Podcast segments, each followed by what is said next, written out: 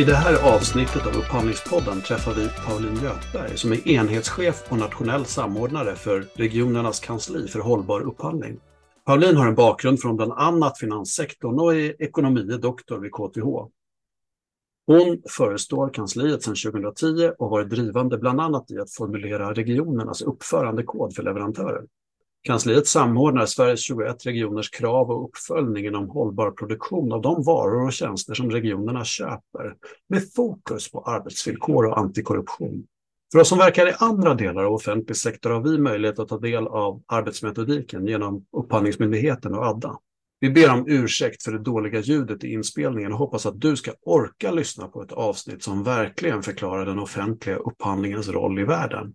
I slutet av avsnittet kommer dessutom en tidig julklapp till oss upphandlare. Nu kör vi! Välkommen till Upphandlingspodden Pauline Göthberg. Tack så jättemycket. Välkommen, berätta, vem är du?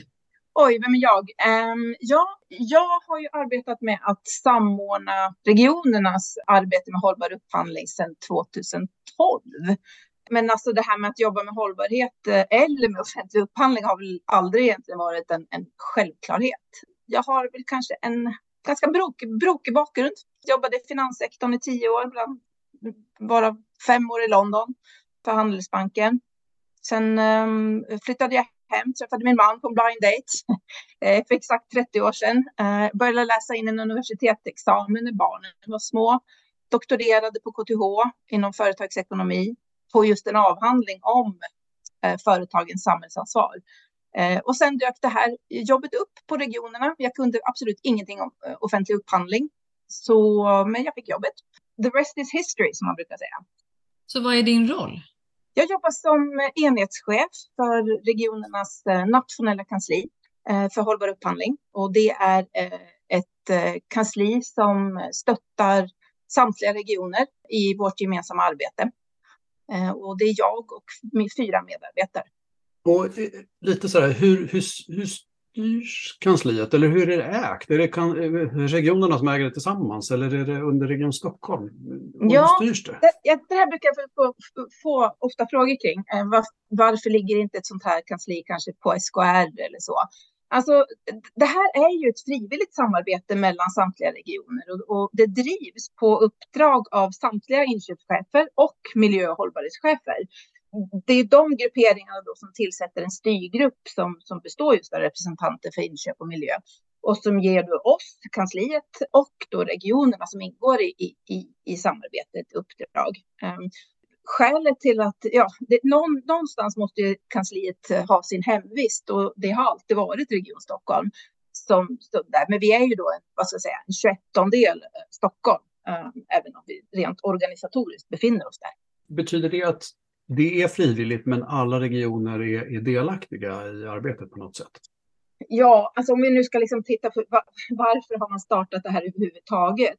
Det var ju då eh, Swedwatch som är ju en eh, granskningsorganisation eh, som uppmärksammade redan 2007-2008 att eh, Sveriges regioner upphandlade eh, kirurgiska instrument eh, ifrån Pakistan, ett område som heter Sialkot, där man upptäckte då grava avvikelser. Alltså det var ju barnarbetare, ungdomar, man såg bilder på ungdomar som stod och doppade våra pincetter och pianger i syrabad helt utan skyddsutrustning, farlig mm. arbetsmiljö, löner som inte gick att leva på etc den här nyheten, ja dels var det ju ute medialt, ehm, men den här nyheten kom nog ganska mycket som en, en chock att man inte riktigt hade koll på sina leveranskedjor, men också initierade ett samarbete.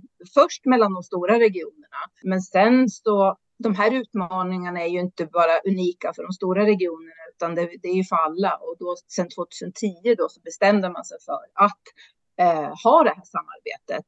Um, så, så det, det är liksom lite grann bakgrunden. Och, och sen dess så har det ju här, vad ska jag säga, förväntningarna på offentlig upphandling som ett eh, politiskt styrmedel för att nå våra samhällspolitiska mål har ju bara ökat.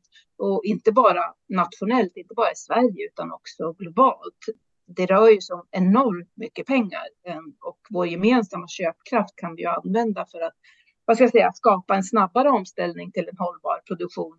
Givetvis handlar ju offentlig upphandling om att vi ska eh, det strategiska inköpen av produkter eller tjänster som krävs för att vi ska kunna bedriva våra samhällsviktiga funktioner. Och, och, det ska ju vi givetvis göra till bästa värde för pengar för medborgarna. Men värde är ju inte bara vad ska jag säga, ett lågt pris, utan det handlar ju om andra värden.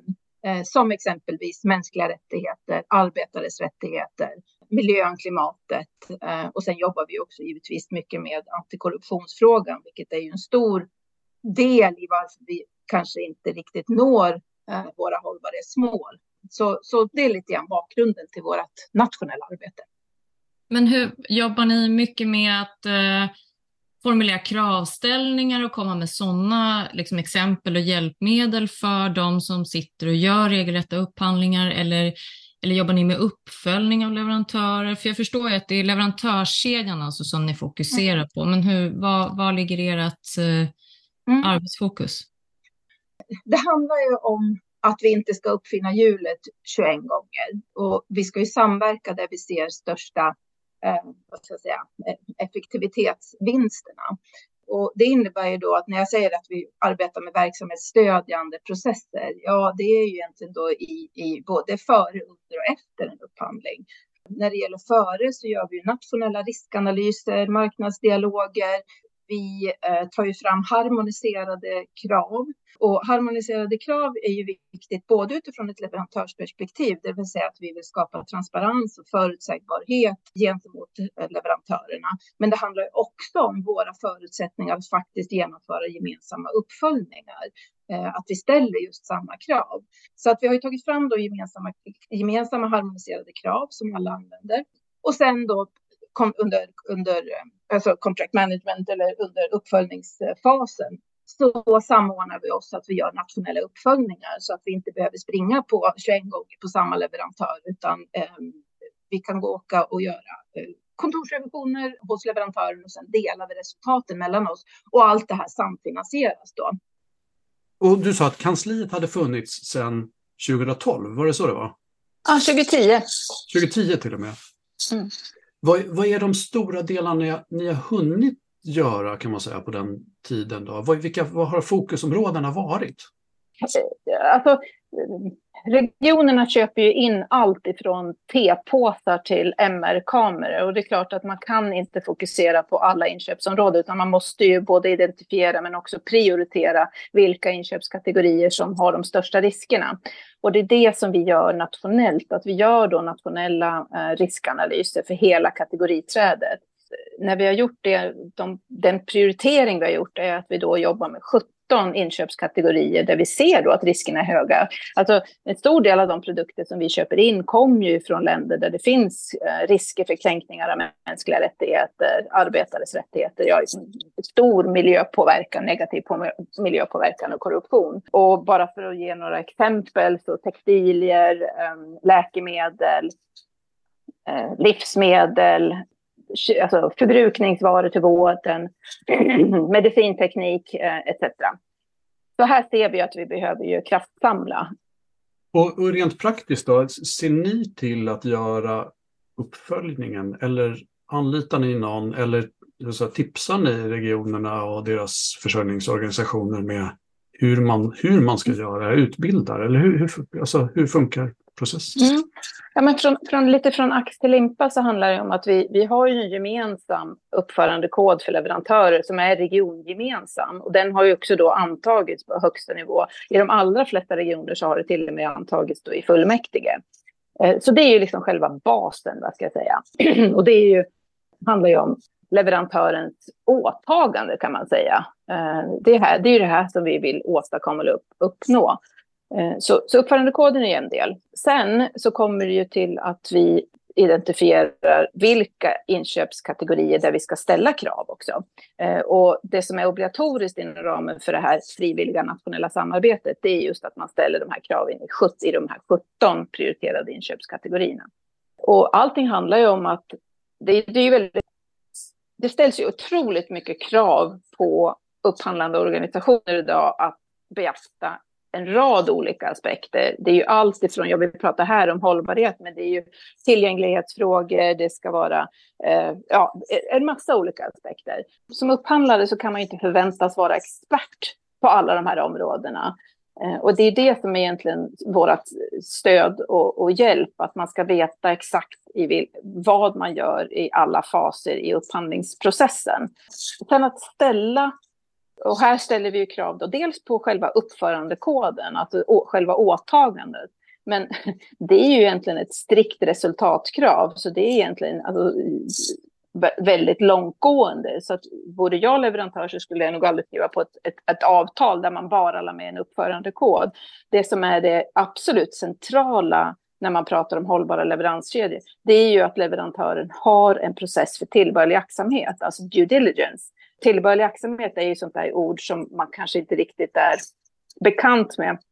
Men det är ju den svenska officiella översättningen av just due diligence. Så, så det är ju själva processkravet som gör att leverantören kan visa upp att de har interna processer och rutiner för att säkerställa då att man kanske beaktar ja, mänskliga rättigheter eller, eller det som står i åtagandet. Men det jag skulle säga var ju att, att ställa krav är ju absolut viktigt och nödvändigt, men det är ju långt ifrån tillräckligt. Vi måste ju också säkerställa eh, att vi gör uppföljningar. Och uppföljning är ju viktigt av, av flera skäl. Dels givetvis för att vi, vi ska veta att vi har fått det vi har betalat för.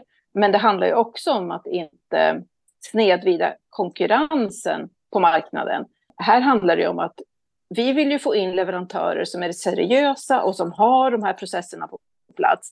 Eh, och följer vi inte upp så kan det finnas risk då att det slinker igenom leverantörer som faktiskt inte har det här och som har kommit kanske in ett billigare pris. Eh, och att vi har då uteslutit, vad ska jag säga, bättre leverantörer som har mer robusta processer och rutiner. Eh, och givetvis då upptäcker vi avvikelse så vill vi givetvis jobba med leverantören för att skapa förändring. Alltså det handlar ju inte om att man då säger upp avtal och så i, i, i första steget, även om den möjligheten finns. Som, som långt svar på, på frågan så är det ju då att vi tar ju fram, vi har en gemensam uppförandekod, eh, vi lägger mer krav på tillbörlig aktsamhet, vi eh, följer upp gemensamt de krav som ställs eh, och, och, där vi då eh, identifierar nationellt prioriterade leverantörer. Och med det menar jag då att de är av intresse för inte bara en region utan för fler regioner och att deras affärsvärde är eh, hyfsat stort eh, också. Men betyder det att ni har, har eh, eh, data om de stora leverantörerna som finns? Så regionerna rapporterar in och ni för en, ett register över de här leverantörerna, då är det så? Mm, precis, så från varje, varje år så, så bestämmer då regionerna, områdena, eh, vilka, vilka högriskprodukter ska vi följa upp det nästföljande år. Vi sammanställer då data på eh, vilka leverantörer som levererar de produkterna och vi tittar ju då också på att de leverantörerna finns på tre regioners avtal eller fler. Det är då de blir liksom nationellt, av ett nationellt intresse. Eh, sen har vi ju liksom en, en, en process för uppföljning som vi följer med självskattningsenkät, kontorsrevision och eventuellt också fabriksrevisioner. Gör ni dem rent praktiskt? Är, är, det, är det så att köparen i regionen som gör det själv eller alltså, bistår ni med liksom högnivåmöten med leverantören? Håller ni ihop den processen också? Mm. Genomför vi har ju en ganska tydlig ansvarsfördelning mellan vad kansliet gör och vad då de här upphandlingsområdena gör. Eh, Sveriges regioner har vi ju delat upp i åtta in, upphandlingsområden eh, där då eh, vi fördelar ansvaret för de här prioriterade inköpsriskkategorierna. Vad vi på kansliet gör, det är det att vi samordnar då och får fram de här leverantörerna av nationellt intresse. Vi skickar ut de här självskattningsenkäterna till de leverantörerna. Vi utvärderar deras svar. Hur väl lever de upp till det när de själv beskriver deras processer? Det resulterar i att vi får då en lista på leverantörer där vi ser att här behövs det göras en eh, djupare granskning och lämnar över de rekommendationerna till områdena själva eftersom det är de som är avtalsparter Så de ansvarar ju för själva vad ska jag säga, kontorsrevisionerna. Men det vi bistår med är att vi gör nationellt upphandlade revisorer, tredjepartsgranskare, och som de då sen bara kan använda när de skickar ut eh, revisorerna till de leverantörer som ska granskas. Så just för närvarande så pågår det 28 stycken sådana här kontorsrevisioner. Hos då leverantörer som man ser att här behöver vi granska på djupet. Ja, precis. Ja. Alltså det låter ju väldigt rimligt att man har tagit ett gemensamt krafttag här på något som mm. alla ändå måste göra. Ja. Det är ju jättebra. Jag menar alla regioner och, och de statliga bolagen behöver ju behöver göra de här grejerna och då är det ju rimligt att man gör det på ett sätt, att alla är likadant. Det är toppen. Mm. Eh, men jag undrar, eh, utgår ni bara ifrån för du pratade om den här riskanalysen du, och, och, menade på att man utgår ifrån risker. Men utgår ni liksom mer uppifrån också, det här från hållbarhetsplaner och hållbarhetsredovisning och vad man liksom behöver ha som eh, stor organisation eh, utifrån ett hållbarhetsperspektiv? Vi linjerar oss ju helt med eh, de internationella ramverken för hur man ska bedriva sitt hållbarhetsarbete. Det är ju framför allt då FNs vägledande principer för företag och mänskliga rättigheter, OECDs um, ehm, due diligence-vägledning. Och om vi ser till hur man ska jobba, alltså dels vad vi gör för någonting, vi arbetar med att identifiera och prioritera risker avseende då alla de här fyra pelarna i uppförandekoden. Um, och, vi, och väljer ut också de väsentligaste riskerna det är samma krav som egentligen vi ställer nu på bolagen.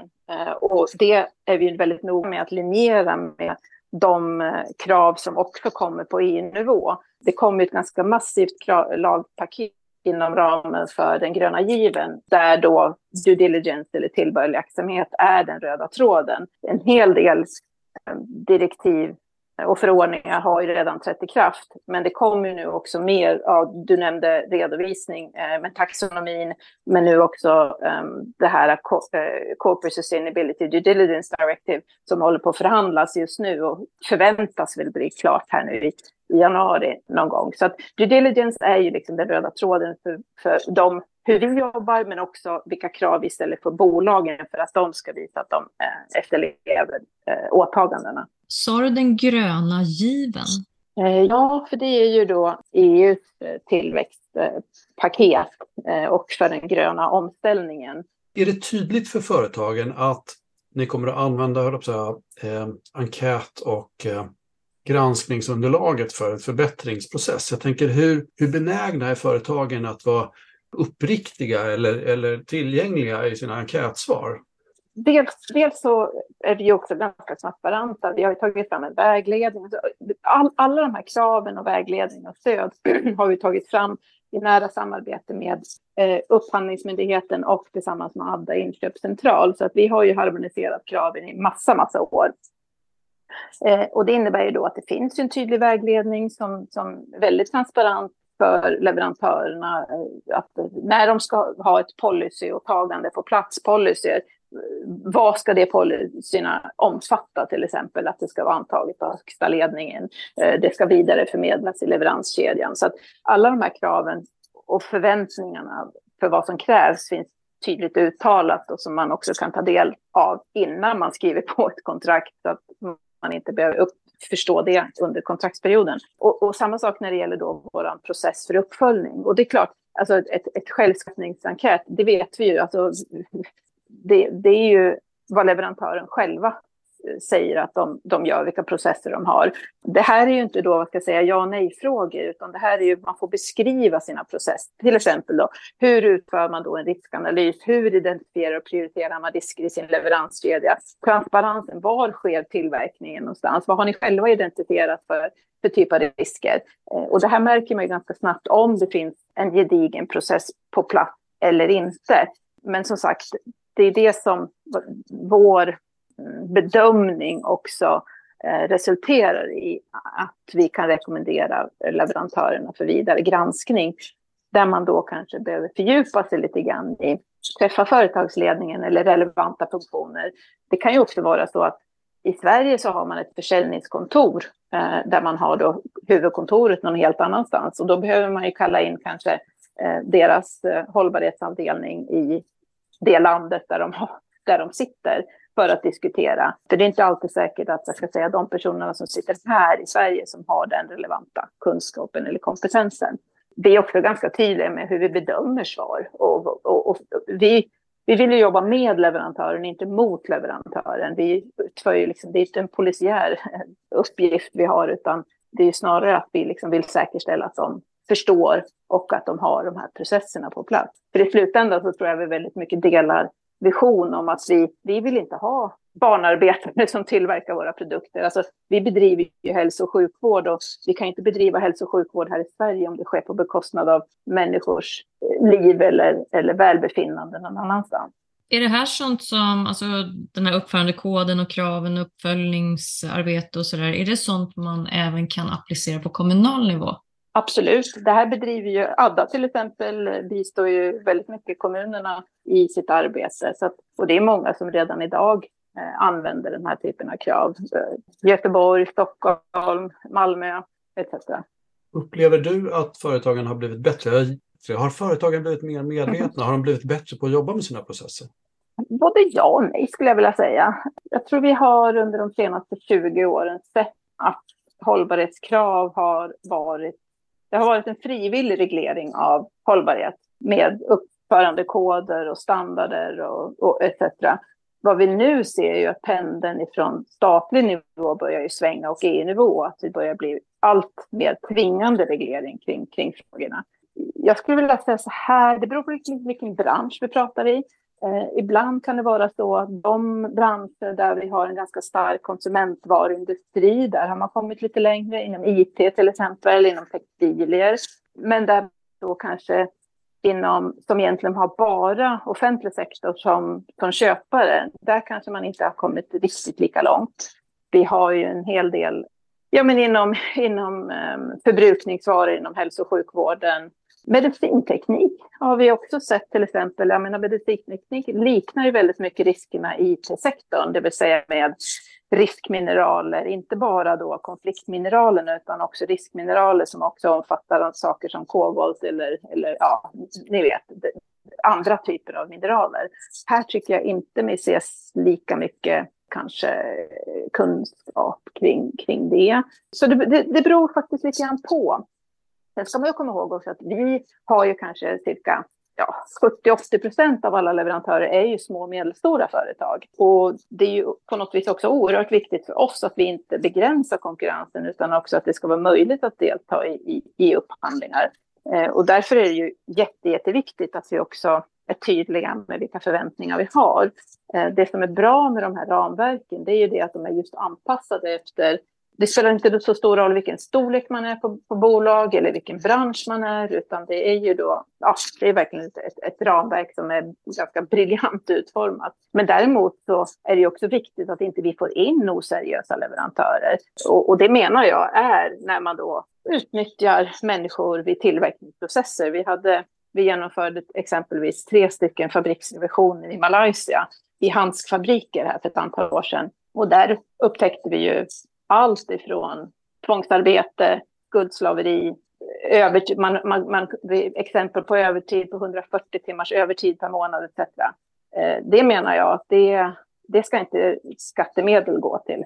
Men du nämnde att eh, många leverantörer är ju inte fullt utvecklade när det gäller hållbarhet och att ni då inte vill begränsa konkurrensen. Nu kopplar jag ihop det här. Mm. Menar du att man kan acceptera leverantörer som inte uppfyller hållbarhetskraven? Ja, nej, och det är därför det blir så viktigt också med upp, uppföljningen. Och det är det, ibland så märker jag det att en del leverantörer kanske skriver på avtalen utan att antingen har man inte riktigt förstått vad det faktiskt innebär, vad våra krav innebär. Och, och det är ju oerhört viktigt då att man sätter sig in i de här innan man skriver på. Det kan aldrig vara acceptabelt att man brister i den här typen av arbete. skulle vilja säga att det här är lika stora avvikelser som kvalitetsavvikelser eller leveranssäkerheter eller vad det kan vara för någonting. Det är en del av kvaliteten på produkten. Så att nej, det kommer jag aldrig kunna acceptera. Men däremot faktiskt, när vi upptäcker brister så vill vi jobba med leverantören och faktiskt skapa förändring. Därför att om vi säger upp ett avtal så har vi inga möjligheter att faktiskt påverka eller kanske förbättra förhållanden för dem vars kanske rättigheter har blivit kränkta. Så det är det jag menar att vi, ett första steg är ju aldrig att säga upp ett avtal på grund av brister utan snarare att man jobbar för förbättringar. En annan fråga då, när det gäller den här enkäten då till exempel, men också vad gäller uppföljning och sådär hur digitaliserat är det arbetet? Alltså hur tar man in all data? Är det, är det i enkätformat med dokument? Eller hur, hur jobbar ni för att kunna använda den datan sen till att sammanställa och kanske rapportera och sådär? Under många år så jobbade vi just med Excel-ark och skickade ut det och tillbaka. Och det var ganska mycket administration kring det där. Sedan ett antal år arbetar vi med ett systemstöd där vi lätt kan ha dialogen med leverantörer, där man får in och man kan också bedöma leverantören. Och är det någonting som man saknar, dokument som man saknar, så kan man också påminna. Och, och det blir ju också som ett dokumenthanteringssystem, för det är också viktigt att vi kan följa processen. Ponera nu att vi får in ett självskattningsenkät där vi bedömer då att svaren är bristfälliga. Vi ber då leverantörerna att återkomma med viss information eller åtgärda vissa saker om de inte gör det. Skulle det vara så då att man inte gör det man ska, då kickar ju faktiskt till slut vissa sanktioner in. Eh, och för att det, vi ska kunna gå då hela vägen så behöver vi liksom en systematik kring, kring just ärendehanteringen. För att vi har ett systemstöd som, som hanterar allt det här och då som vi på eh, nationella kansliet administrerar. Hur ser de här kraven ut? Alltså jag blir jättenyfiken. Du pratar om kraven. Eh, kan du ta några exempel, till exempel på, ja, men eh, på byggsidan eh, kanske det finns mycket krav. Finns det det? Hur ser det ut där? Ja, alltså det, det, är bra att du säger det, för att det, beror ju, det vi har harmoniserat oss kring och kommit kanske längst kring, det är ju kraven på hållbara leveranskedjor. Eh, och de kraven är generiska oberoende vilken typ av kategori som vi köper. Mm mm. Eh, så, så, så, det är ju, och det är ju krav som vi ställer på, på själva bolaget, alltså det är ju processkrav på bolaget. Just det. Mm. Eh, det som vi har sett är också det på miljösidan, även om regionerna har ju kommit längre på miljösidan, vad ska jag säga, och även om man kanske har velat samma sak så har man kanske skrivit dem på lite olika sätt. Så därför jobbar vi ju väldigt fokuserat nu på att harmonisera miljökraven. Så att vi har ju mina två kollegor som jobbar väldigt nu Eh, med att just ta fram harmoniserade krav på eh, produktspecifika krav. Men om vi fokuserar på just när det gäller tillbörlig aktsamhet eller, eller um, hållbara leveranskedjor. Här är ju då första punkten i avtalet är ju uppförandekoden och ganska tydligt vad vi håller leverantören ansvarsskyldig gentemot. Och då är det väldigt mycket uppräkningar då av ja, mänskliga rättigheter, men när det gäller eh, arbetares rättigheter så är ju det kopplat till, grunden är ju ILOs, alltså International Labour Organization, FNs trepartsorgan för arbetsrättsliga eh, frågor, de tio grundläggande konventionerna.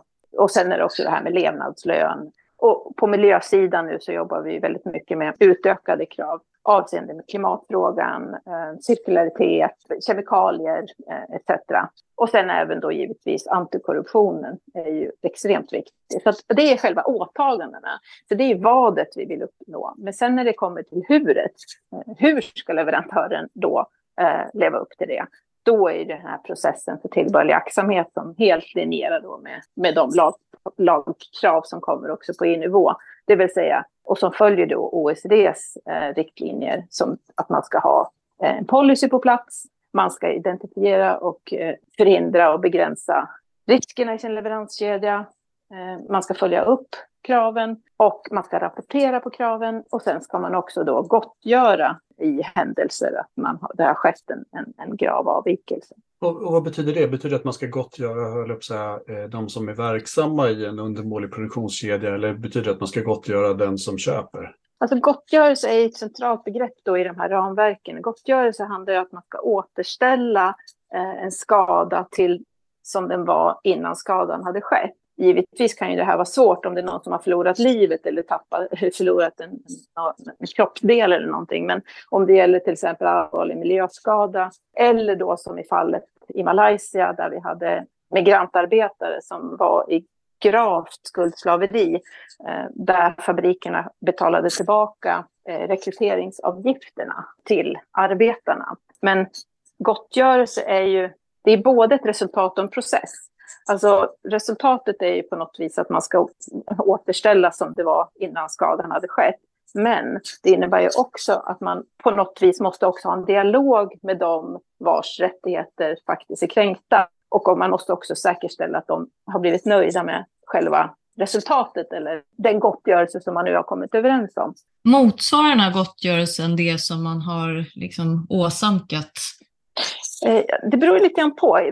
Gottgörelse är ju inte heller bara ekonomisk kompensation. Det kan ju vara andra saker också. Vi hade, ett, ja, vi hade ett fall i Thailand till exempel där man hade avskedat 21 av de fackliga representanterna. Här blev det ju också viktigt då att de fick tillbaka sina anställningar. Så det kan ju vara sådana typer av åtgärder. Eller till och med en offentlig ursäkt kan ju också vara en typ av gottgörelse. Så att det beror liksom lite grann på vad det är för typ av kränkningar, vad då de som är drabbade också anser vara en, en rättvis gottgörelse. För jag pratade med en kvinna som jobbade på EU-nivå och hon berättade om att hon jobbade med den här typen av kravställningar på EU-nivå för att till exempel då om man eh, nyttjar en, en yta för odling som man tar i anspråk då och då måste man återställa kanske med tre motsvarande ytor eller så. Därav min fråga. Nej, så exakt. Alltså, de, de, är inte specificerade på det viset, utan det går ju inte att förutsäga alla olika eventualiteter. Nej, det är klart. Eh, I kraven, ja, I kraven kan det stå så här att man, det här med eh, avhysa ursprungsfolk från mark, exempel, det är ju en kränkning av, av, av de mänskliga rättigheterna. Har man då förstört räkodlingar eller mangroveträsken när man förstör marken och, och, och så. så det beror liksom lite grann på, men det är väldigt, väldigt sällan som vad ska jag säga, vi är där i kedjan. Eh, 90 procent, 95 procent av alla uppföljningar vi gör är ju med våra direkta svenska leverantörer och att säkerställa att de har sina process för tillbörlig aktsamhet på plats. Därför att det spelar inte så stor roll om vi sitter och åker ut och gör fabriksrevisioner, om inte våra svenska direkta leverantörer har processerna på plats så kommer vi inte skapa långsiktig förändring. Så det är därför det är så oerhört viktigt att få upp alla på banan. Har, har regionerna själva då, ser du att, att organisationerna och resurserna för uppföljning hos dina intressenter, då, har, har de blivit bättre? För jag tänker att vi har ju vi pratar mycket om det här med att skjuta ut kraven i upphandling. Upphandling har blivit, mm. den offentliga upphandlingen har blivit liksom ett, ett verktyg för, för att verkställa liksom politiska ambitioner kan man säga, men också sådana gemensamma politiska ambitioner där, där man kan använda marknaden som verktyg. Men har, har, det, har det blivit någon utökning? Har det blivit någon förbättring? Ser vi att vi som köpare, då, vi som sitter längst upp köparkedjan, har, har man byggt upp? Har man blivit bättre? Ja, alltså, det, det, det är parallella processer skulle jag vilja säga. När jag började 2012, då var ju man ifrågasätter ju egentligen huruvida det här var rent rättsligt korrekt att ställa den här typen av krav, eh, framförallt kopplat till hållbara leveranskedjor. Idag finns det inte alls den typen av juridiska ifrågasättande. Eh, förväntningarna har ju också ökat på, på offentlig upphandling att vara med och bidra, att de här eh, över 800 miljarder kronorna faktiskt ska vara med och bidra till, till den här eh, eh omställningen. Eh, och i och med att förväntningarna har ökat så skulle jag vilja också säga att man tillsätter mer och mer resurser på, på, på alla nivåer, både statlig, regional och kommunal. I vårat fall nu, men sen ska vi också komma ihåg att det är klart att just nu så har vi enorma eh, ekonomiska utmaningar med ökad inflation och ökade pensionsavsättningar. Och då är det ju extremt mycket mer effektivt att göra det tillsammans än om var och en skulle bygga upp den här typen av verksamhet på egen kammare. 2020, alltså när vi fyllde då tio år, så satte vi också oss ner och tog fram en programförklaring för 2030. Var skulle vi vara någonstans 2030? Och i och med att det ökar förväntningar så måste vi också möta upp mot det. Så det innebär ju också en, en ambitionshöjning eh, avseende det nationella arbetet. Så ifrån då att man har gått det öre per regioninvånare har vi nu en krona. Vad, vad innebär det konkret för er då? Och hur kan du förstärka och bygga ut verksamheten eh, i, mm. i det? Vad ser du framför dig? Nej, men det är, det är framförallt tre saker som eh, vi ska göra eh, för de här ökade resurserna. Dels handlar det om att vi ska kunna göra fler uppföljningar. Uppföljning är ju ett ett fortfarande hyfsat eftersatt område och här behöver vi just kunna stärka upp, stärka upp oss. Det innebär ju att vi har kunnat gått ifrån eh, tre till fem anställda på kansliet för att kunna just stötta upp regionerna i arbetet. Vi tar ju också fram då fler harmoniserade miljökrav inom då klimat, klimatsidan, eh, hälsoskadliga ämnen, cirkulär ekonomi. Och sen också arbetar vi nationellt med ökad kompetens. För eh, kompetensen behöver också ökas och här ser vi också stora samverkansfördelar genom att göra det tillsammans. Vi sitter ju exakt med samma behov Eh, och att vi gör det då nationellt. Så det är väl de, de sakerna som vi ska, kunna, vi ska lägga de ökade resurserna. Och jag bara nämna det att det är inte bara den här ökade 50-öringen utan också varje region avser del av tjänst personer i regionerna att arbeta.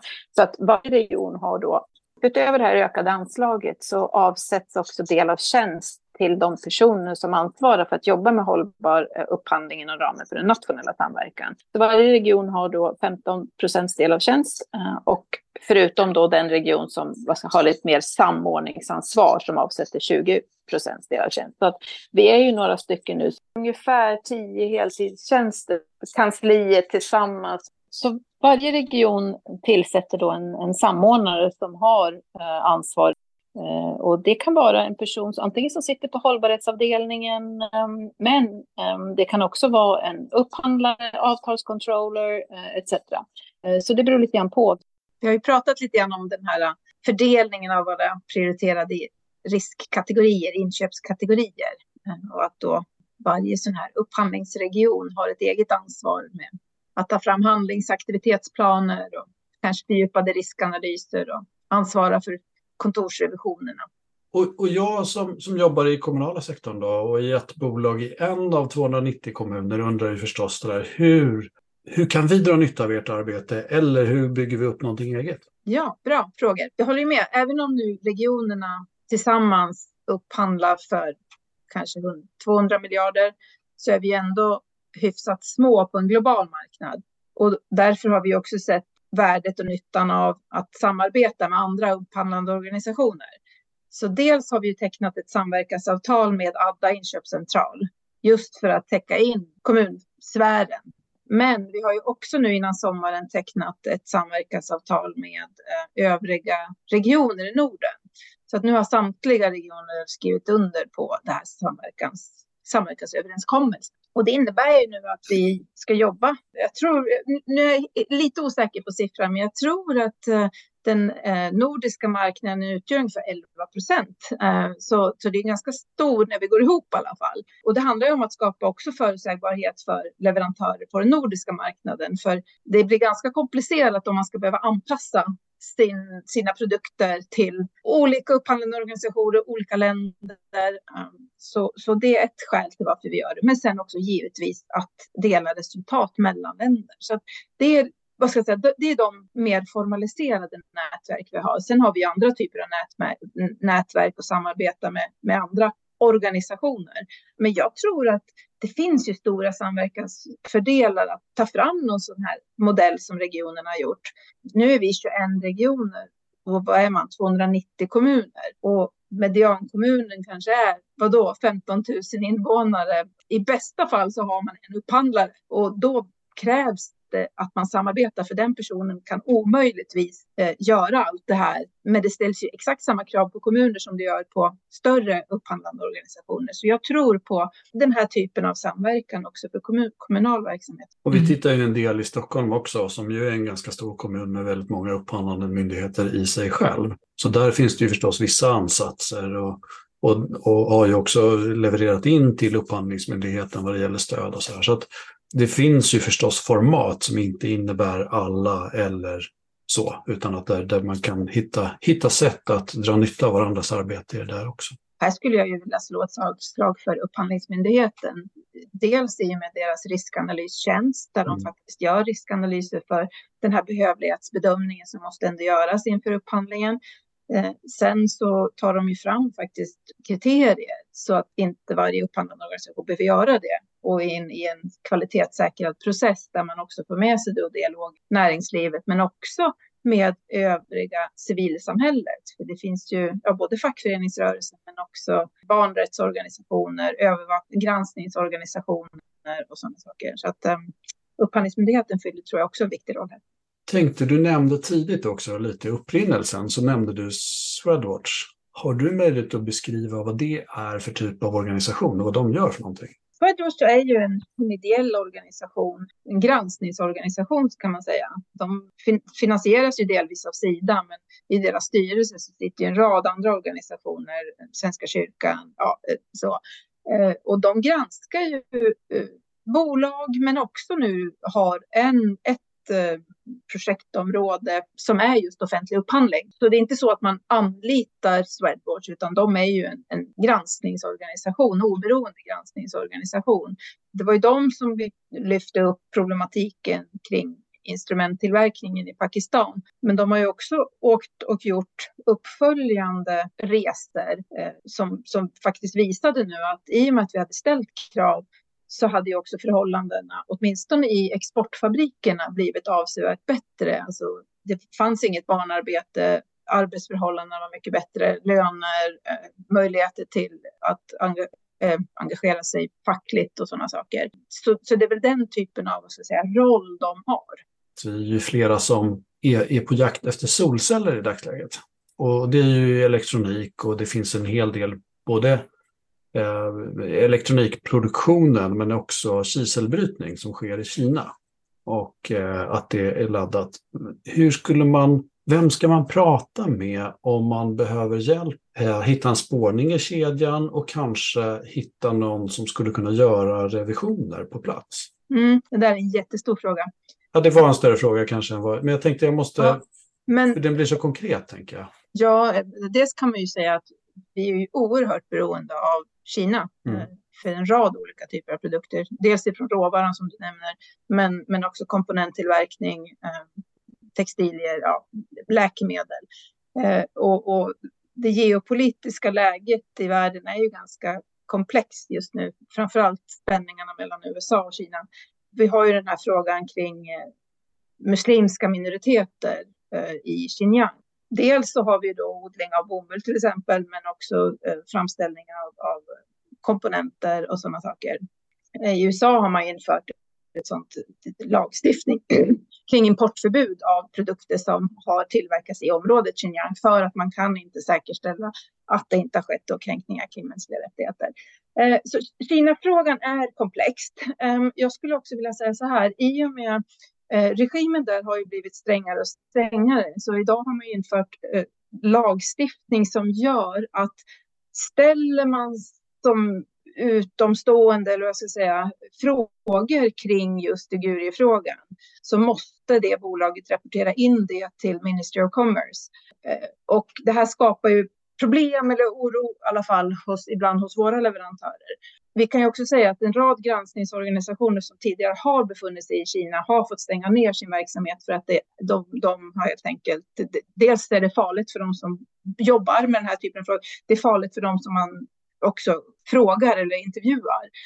Så att göra oberoende revisioner idag i Kina är oerhört komplicerat jag skulle nog, när, när vi fick den här rapporten ifrån det australienska forskningsinstitutet kring just problematiken, det, den pekade ut flera områden. Det var inte bara IT utan det var ju också textilier och mat. Men vi påbörjade ett samarbete med Adda och Svenska kyrkan.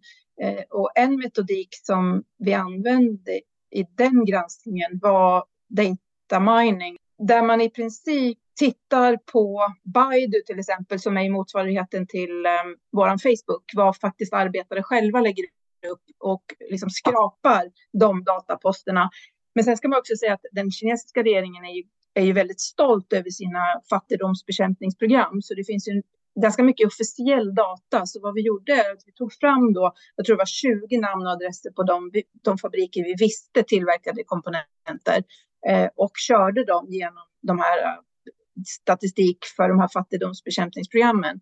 Och det visade sig att sju av dem dök upp i detta. Det är ju inget bevis för att det förekommer kränkningar av um, de här muslimska minoriteterna. Men däremot så öppnar det ju upp också för en dialog med leverantören huruvida de får rätt på, på, på information. Och det är samma sak med den här typen av certifikat att eh, bomullen inte odlas i Xinjiang man kan ifrågasätta det. Så att vi funderar nu också på att till exempel göra andra typer av tester som isotoptestning till exempel som kan göra, där man kan då kolla ursprungs, eh, ursprunget på bomullen eh, där man får ganska klart för sig om det här är, är, är, rätt eller inte. Och jag menar inte att våra leverantörer ljuger för oss men det är kanske att de inte får rätt information i sin tur. Så att Kina-frågan är jättekomplex. Jag har svårt att se att man kan göra helt oberoende granskningar i Kina just nu. Ja, det, det, är besvärligt. Då skulle man försöka hitta någon annanstans, sourca sina solceller någon annanstans ifrån. Och det är nog svårt. Och det är ju också klurigt utifrån hur vi ställer kraven och mm. rätten att komma och konkurrera. Så att jag ja. menar, det, ja. Men jag tror att det ska gå samman här, för jag vet ju att eh, Adda köper in jättemycket solceller. Mm. Eh, och de har ju också varit i dialog med, det finns väl en branschorganisation, så de jobbar ju också med frågan hur man kan, hur man skulle kunna ändå ja, komma vidare med, med frågan. Mm. Ja, vi har lite samarbete med Men, dem, så, att, eh, så jag, det är väl också det, det första ja. steget eller den första kontakten vi tar. Mm. Exakt. Men jag tror också så här, vi pratade om hur, hur, hur krav på hållbara leveranskedjor är strukturerade. Å ena sidan har vi då åtaganden i uppförandekoden som är det strikta resultatkravet. Men Eh, vi har ju också processkraven, due diligence-kraven. Så att vad vi också vill ju se hos våra leverantörer att de gör allt i sin makt, alltså ha interna processer, att, att, att de visar att de har identifierat att just den här risken är överhängande. Det i sig visar ju då att de gör någonting och sen får man ju fundera på då hur man kan öka sin påverkansmöjlighet gentemot Kina då. Så det är lite två delar i det där. Ja, alltså komplexiteten och, och, som du säger, den situationen skrämmer ju förstås. Men, men det känns ju inte som att det är något alternativ att stoppa huvudet i sanden direkt, utan det är något som vi behöver ja, hitta ett sätt att och, och veta var, varifrån grejerna kommer som vi köper. Hur mycket bättre har man blivit på att eh, eh ja, men visa goda resultat? Alltså hur rent är det där ute i leverantörskedjorna generellt? Och var, var någonstans eh, kan man se att det kanske behövs mest arbete? Man kan ju fråga sig, ja, mm, spelar det någon roll att vi ställer de här kraven? Alltså vad ger det för effekt? Eh, och det kan man väl ändå säga under de här åren att vi har ju sett en rad exempel på där vi har sett förbättringar i fabriker. Allt ifrån att vi har varit och tittat på kycklingslakterier i Thailand efter det uppmärksammades att vi importerar kyckling ifrån, ifrån Thailand eh, till det här att man avskedade eh, fackligt organiserade eh, arbetare till då de här tre fabrikerna i Malaysia där man hade anställt en rad migrantarbetare som var i gravt skuldslaveri och att man till slut betalade tillbaka 54 miljoner dollar i, på de här tre fabrikerna eh, barnarbetet i Pakistan. Eh, så det finns ju en rad sådana här exempel på att man kan genom offentlig upphandling faktiskt skapa förändring i fabrikerna. Eh, det är ju mer på fabriksnivå. Vad vi ser här hemma, det, det är väl också nu att till skillnad då för 20 år sedan när det fanns en, den här frivilligheten, och det fanns en tsunami av olika typer av standarder och sätt att, att arbeta med hållbarhet, så har man nu börjat komma fram till tre stora ramverk som är liksom de centrala och där som alla har due diligence eller tillbörlig aktsamhet som metod. Och här skulle jag vilja säga att jag vet, det är klart att nya direktiven och nya lagstiftningen riktar sig mot de stora bolagen, men man ska inte glömma att de små och medelstora bolagen kommer också att träffas av det här i och med att de kommer att vara underleverantörer till de stora bolagen som också måste rapportera. Så att här tycker jag att vi börjar se en förskjutning där bolagen dels börjar förstå men också börjar bygga upp de här interna due diligence-strukturerna. Sen när vi gör uppföljningar så ser vi att där det brister allra mest är ju just på um, leverantörens riskanalys att kunna identifiera eh, och prioritera risker i sin leveranskedja. Och att kunna göra generella riskanalyser, det, det, är inte samma sak som spårbarhet. Det är inte så att vi menar att man måste ha koll exakt på namn och adress på alla sina underleverantörer i hela kedjan. Det är inte det vi menar. Men har man Eh, befinner man sig inom IT-industrin eller textilindustrin, då kan man göra generella riskanalyser där man vet att stora delar av produktionen kommer att ske i Indien eller i Kina eller någonting. Och då vet man också att riskerna för vissa typer av kränkningar är större än andra. Så att, att göra ordentliga riskanalyser, det här behöver man göra ett litet omtag eller förbättra sig. Eh, men sen också då koppla till riskerna också den uppföljning som krävs. Men du, du nämnde tre stora ramverk. Vad, mm. vad är det för Det är ju FNs vägledande principer för företag och mänskliga rättigheter. Sen är det ju då eh, OECDs eh, OECD. riktlinjer för multinationella företag och till dem är ju kopplade det här due diligence-vägledningen. Och sen är det ILOs M&E-deklaration och vad de har just centralt det är just due diligence eller tillbörlig aktsamhet. Och om man tittar i OECDs due diligence guidance så har man ju då en tydlig sån här eh, snurra eller steg för steg vad det faktiskt innebär. Hur ser du att kunskapen är kring de här ramverken? Är de viktiga att vi kan? Hur mycket är det viktigt att vi kan? Och finns det utbildningar som liksom är anpassade för oss här i Sverige och vad vi behöver göra utifrån det perspektivet som ni har och vad ni gör och så vidare? Jag tror kunskapen börjar eh, öka mer och mer. Eh, och det som är ju bra då är ju att det här är eh, generiska krav för alla typer av branscher. Så det finns liksom inte specifika ramverk för olika branscher utan att det här funkar för alla. Så det, det börjar, jag tycker medvetenheten börjar öka dels så finns det väldigt bra gratisutbildningar. Eh, mm. OECD har till exempel en, en modul på, jag tror att den är på en timme eller två, kring eh, due diligence, vad det är och vad, vad som krävs. Eh, och sen så beroende på så finns det ju olika initiativ. Ethical Trading Initiative i Sverige, ETI i Sverige, har ju due diligence-utbildningar. Så det är flera som, som arrangerar den typen av utbildningar. Vi kanske inte har sett lika mycket ut, due diligence-krav eller utbildningar för offentlig sektor. Vi, vi genomför det ju internt för, för våra kollegor, men, men, men det finns. Ja, några konkreta tips då till en upphandlare eller en upphandlande organisation? Eh, jag tror att det är nödvändigt att ta kanske hjälp av expertis. Alltså som upphandlare så är det väldigt svårt att ha den här spetskompetensen i alla de här områdena. Så ta hjälp av expertis. Den, kan, den kanske finns i, i, den egna verksamheten um, eller på annat håll. Jag skulle definitivt börja samarbeta med andra. Så uppfinn inte hjulet själva. Det finns mycket redan framtaget.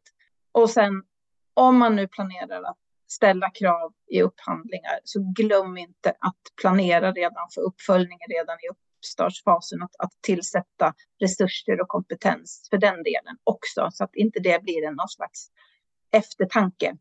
Bra tips. Till en leverantör då?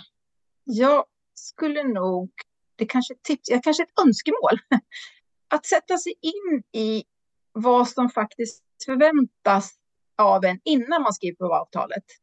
Eh, och det här finns det ju mycket stöd och vägledning så eh, framtaget. Tänk på det här med ökade krav på transparens i leveranskedjan. Har man koll på vad produkterna tillverkas eller vilka komponenter som ingår och risker. Ehm, det här skulle jag vilja säga är inte bara viktigt utifrån ett hållbarhetsperspektiv, utan det här kommer bli allt mer viktigt ut, mer utifrån ett försörjningsperspektiv och ett eh, resiliensperspektiv. Ehm, så här går ju de vad ska jag säga, intressena ihop. Och sen också givetvis sätter in i det här med, med tillbörlig aktsamhet, vad det är för någonting. För det är det som, eh, som bli, kommer bli standard här framöver. Tillbörlig aktsamhet. Jag har inte hört översättningen innan dagens samtal, så det, där, det var jättekul. Jag har bara använt det eh, engelska begreppet. Vad är det? To do, ja, to... Jaha, due diligence är due diligence tillbörlig, är tillbörlig aktsamhet. Ja, det är den officiella översättningen, så det är det du kommer att se i all lagstiftning och i alla, alla direktiv och allting. För mig har jag alltid due diligence, jag tycker det är svårt att säga, men det är ett eh, transaktionsbegrepp. Eller man gör en due diligence på, på fastighet. fastigheten. Mm. Mm. Det är också en genomlysning liksom, av status på något sätt. Mm. Exakt. när, eh, när dåvarande generalsekreterare Kofi Annan skulle eh, tillsätta en utredning för vad var företagens ansvar för mänskliga rättigheter. Då anlitade han John, professor John Ruggie.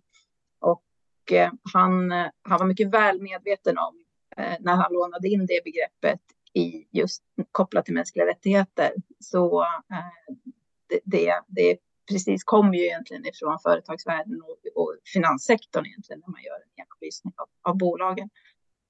Ja, men det var Jättekul. jättebra.